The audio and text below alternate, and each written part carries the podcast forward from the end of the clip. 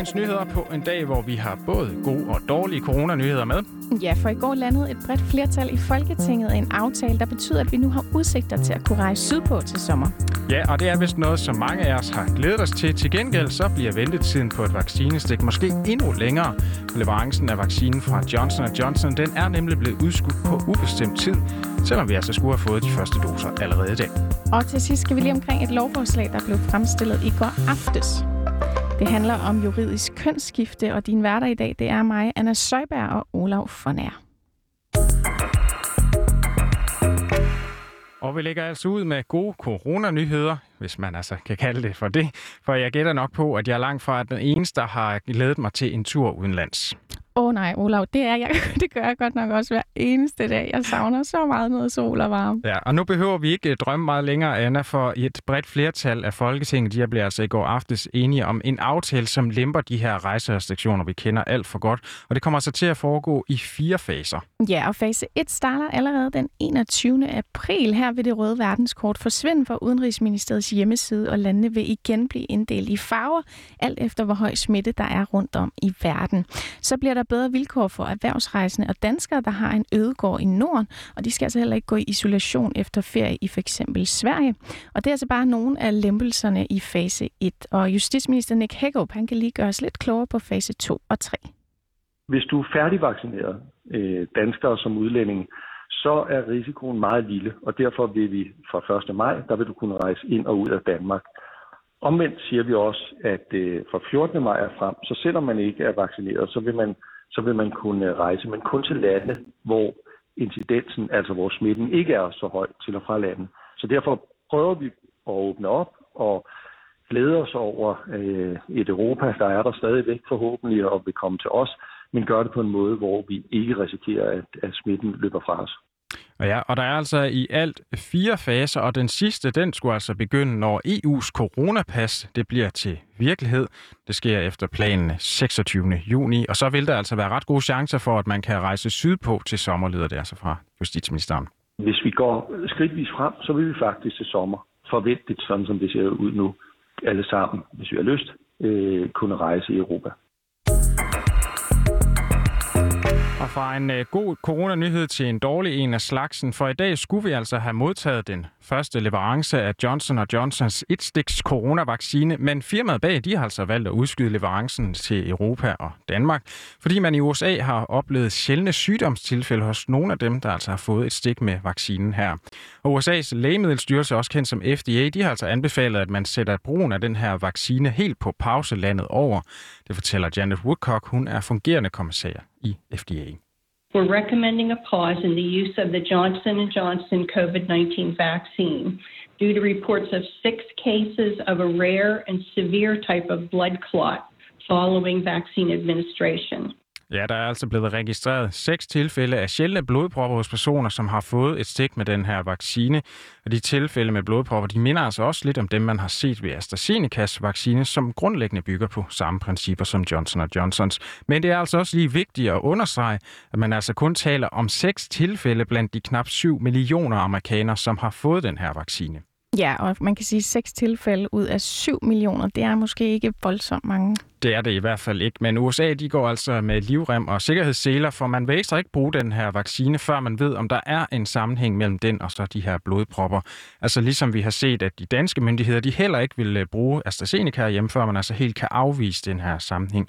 Men der er et ret stort problem ved det her, for som jeg også sagde før, så øh, er det vaccinen her altså også den, vi har allerflest af. Vi skal nemlig have 8 millioner doser af den, og nu ved vi altså ikke lige, hvornår de engang bliver kørt over grænsen. Nej, og det er selvfølgelig ikke helt vildt godt for den her vaccineplan, så det er da lidt spændende. Ja, i den grad. Faktisk så kan vi måske slet ikke regne med, at vi er færdigvaccineret i slutningen af juli, som vaccinationskalenderen den jo ellers har sagt lige op til nu. Det slog statsministeren Mette Frederiksen altså to streger under i går. Myndighederne har fra starten, og vi har også fra regeringens side fra start sagt, der kan komme masser af ændringer på det her område, og der vil komme bump på vejen, og nogle af de bump møder vi så nu. Der er ikke nogen, der på noget tidspunkt har sagt til danskerne, øh, eller kommer til det, at den vaccinationskalender, der ligger, den kan man regne med gælder hele vejen. Ja, og det er altså svært at finde ud af, hvad der er op og ned lige nu med den her Johnson Johnson-vaccine. Vi ved, at udrulningen den altså er blevet udskudt her i Europa, men hvornår den så begynder at rulle, ja, det ved vi altså ikke når den engang kommer, så er det faktisk ikke engang sikkert, at de danske sundhedsmyndigheder de vælger, at de skal tages i brug. For mens mange andre lande har taget AstraZeneca-vaccinen i brug igen, ja, så er den altså stadigvæk på køl her hjemme i Danmark. Ja, det er godt nok spændende at se, hvad der kommer til at ske med alle de her vacciner. Ja, og det er altså svært det her med at konkludere noget, og det er det faktisk også for Michael Olaj Milhøj. Han er chefanalytiker i Danske Bank, og han følger altså super godt med i det her med vacciner, fordi pandemien den jo har kæmpe store økonomiske konsekvenser. Man kan jo godt frygte, at sundhedsmyndighederne har malet sig lidt op, med, øh, op i hjørne, fordi at man sagde jo, at man var overforsigtig med AstraZeneca-vacciner, og det kunne man tillade sig blandt andet, fordi smittetrykket var lavt. Men, men så har man måske også malet sig op i hjørne i forhold til, at man må gøre det samme med Johnson Johnson. Så øh, hvornår der kunne være en beslutning, hvornår Johnson Johnson selv vil begynde at sende de her leverancer, øh, det er jo alt sammen ubesvaret spørgsmål, der gør, at der er nogle øh, ret store ubekendte faktorer omkring det danske vaccinationsprogram på den korte bane. Og dertil skal man så lægge, at det jo ikke bare er sådan en, en binær beslutning, altså kan vi bruge den, kan vi ikke bruge den. Øh, vacciner handler jo også om tillid. Har folk tillid til, at den vaccine, de får, øh, hjælper dem, og, øh, i stedet for at skade dem. Øh, og på den måde, så alle, hver gang der er de her negative historier, så er det jo noget, der der gør, at der er nogle mennesker, der siger, jamen den vaccine skal jeg ikke have. Så selv hvis det er, man bruger den, jamen så kan det jo godt være, at tilliden øh, til Johnson Johnson-vaccinen er reduceret, og dermed også, at øh, folks lyst til at sige ja til den er, er reduceret. Og dermed, altså det er jo noget af det, man blandt andet frygter med AstraZeneca-vaccinen, at selvom den genoptages, jamen så er tilliden bare ikke specielt høj til den, og derfor er der ikke mange, der forventer, at den for alvor bliver en vaccine, vi skal regne med. Og risikoen er jo, at, at det samme kan ske for Johnson Johnson. Altså så lige nu der er det altså helt uvist, hvornår vi altså alle sammen bliver tilbudt en vaccine, og verden og i den grad også Danmark måske kan vende tilbage til noget, der minder om en normal situation. Og så skal jeg også lige tilføje, at sundhedsministeren ovenpå alt det her altså har indkaldt Folketingets partileder og sundhedsordfører til et møde omkring netop den her vaccinesituation, og det bliver altså kl. 11.30 i dag.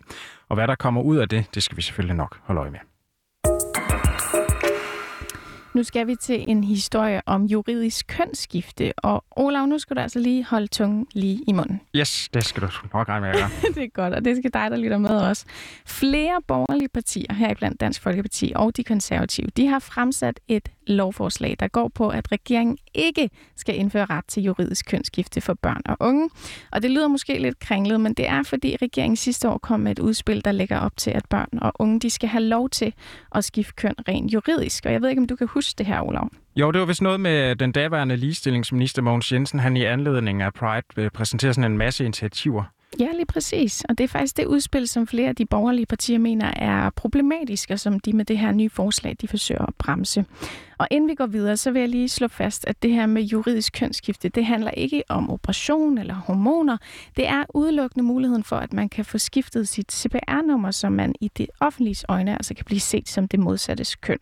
Og lige nu, der kan man først skifte køn juridisk, når man er fyldt 18, og Olav, det var altså i går aftes, at det her forslag det skulle behandles i Folketinget, og der blev skudt med skarpt. Dansk Folkeparti's Pia Kærsgaard lag ud med de her ord. Altså, jeg forstår ikke brik, så er det sagt lige ud. Ja, og Mette Thiesen fra Nye Borgerlige, hun sagde sådan her. Børn, der ikke engang er gamle nok til at bestemme deres egen sengetid, de skal selvfølgelig heller ikke kunne skifte køn juridisk. Så simpelt kan det siges. Så simpelt er det. Alt andet er decideret uansvarligt. Men indrigsminister Kort Dybvad, han slog fast, at regeringen fortsat ønsker at lade børn og unge få ret til juridisk kønsskifte. Og nu tænker jeg så, at vi skal hoppe ned fra den her politiske scene, og i stedet tale med et af de mennesker, der rent faktisk har haft den her problemstilling inde på livet. Øh, jamen, jeg hedder Alexander, og jeg er 20 år gammel, bor i Skanderborg. Jeg blev færdig med gymnasiet her i sommer, så jeg er i gang med mit første sabbatår. Øh, har egentlig lavet lidt forskelligt her fra sommerferien slut af, men lige nu er jeg primært på, på et plejehjem som afløser. Ja, så spiller jeg en del musik også i min fritid. Øhm, har altid gjort det. Ellers så sker der ikke så meget i mit liv lige nu. Det er jo begrænset, hvad man kan, kan bruge tiden på. Alexander Olsen blev tildelt kønnet pige ved fødslen, men han valgte at skifte køn som 19-årig. Og selve følelsen af at være en mand, den er altså ikke ny. For mit vedkommende, der tror jeg, at det er noget, jeg altid har vidst. Sådan, jeg har altid været klar over det. Jeg har nok selv, som sagt, tabubelagt det og været sådan, ej, det er bare dig, der tænker dumme tanker, det er for besværligt, det er forholdsvis snydt og stadig meget unormalt for folk. Og det var det også dengang, da jeg var barn, at det der med, at der var meget få, der havde gjort det, og der skulle rigtig meget til, for at man kan få lov til det. Men jeg kan da huske, at i de små klasser, der var jeg jo altid sammen med drengene, legede altid med drengene, og kunne godt lide at blive anerkendt som en af drengene, og synes faktisk heller ikke, det var et problem, når folk kaldte mig for hende. Spørger man Alexander, så er det altså en god idé at give børn og unge ret til det her juridiske kønsskifte. For selvom han selv først nu har søgt om juridisk kønsskifte, så er han ret sikker på, at han havde været i stand til at tage beslutningen tidligere. Det er svært at sige, men jeg tror, at hvis jeg var blevet spurgt i 5. klasse eller 6. klasse om, uh, Alexander, er du nu en pige eller er du en dreng, så havde jeg godt kunne svare, om jeg var en dreng eller en pige. Men hvad nu, hvis man fortryder? Til det spørgsmål, der er han altså ret klar i spyttet de typer, der siger sådan noget der, hvad nu hvis det er dem, som leder efter noget negativt i alt. Forstår du mere? Der er jo altid nogen, der fortryder, og det er jo sådan, det er. Det kan man jo ikke komme udenom. Men så er det jo igen også bare juridisk kønsskifte. Det er bare et ciffer i dit CPR-nummer. Det er jo ikke fordi, altså, at du dør af at fortryde det.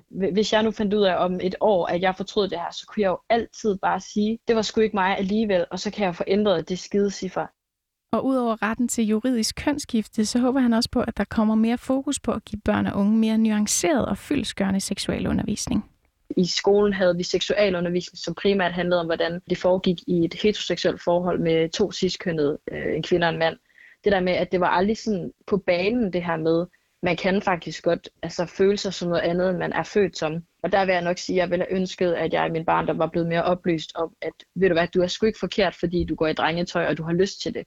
Ja, på den note vil vi her til sidst sige, at regeringen snart vil komme med et mere specifikt lovforslag på området, hvor det blandt andet vil blive gjort klart, hvor meget de ønsker at sænke den her aldersgrænse. Ja, og med det så nåede vi altså til vejs ende af dagens udgave af dagens nyheder. Udsendelsen den var tilrettelagt af Henriette Kamp og Laura Broen. Dine værter, det har været mig. Mit navn det er Olaf Fornær, og så også Anna Søjberg. Tak fordi du lyttede med.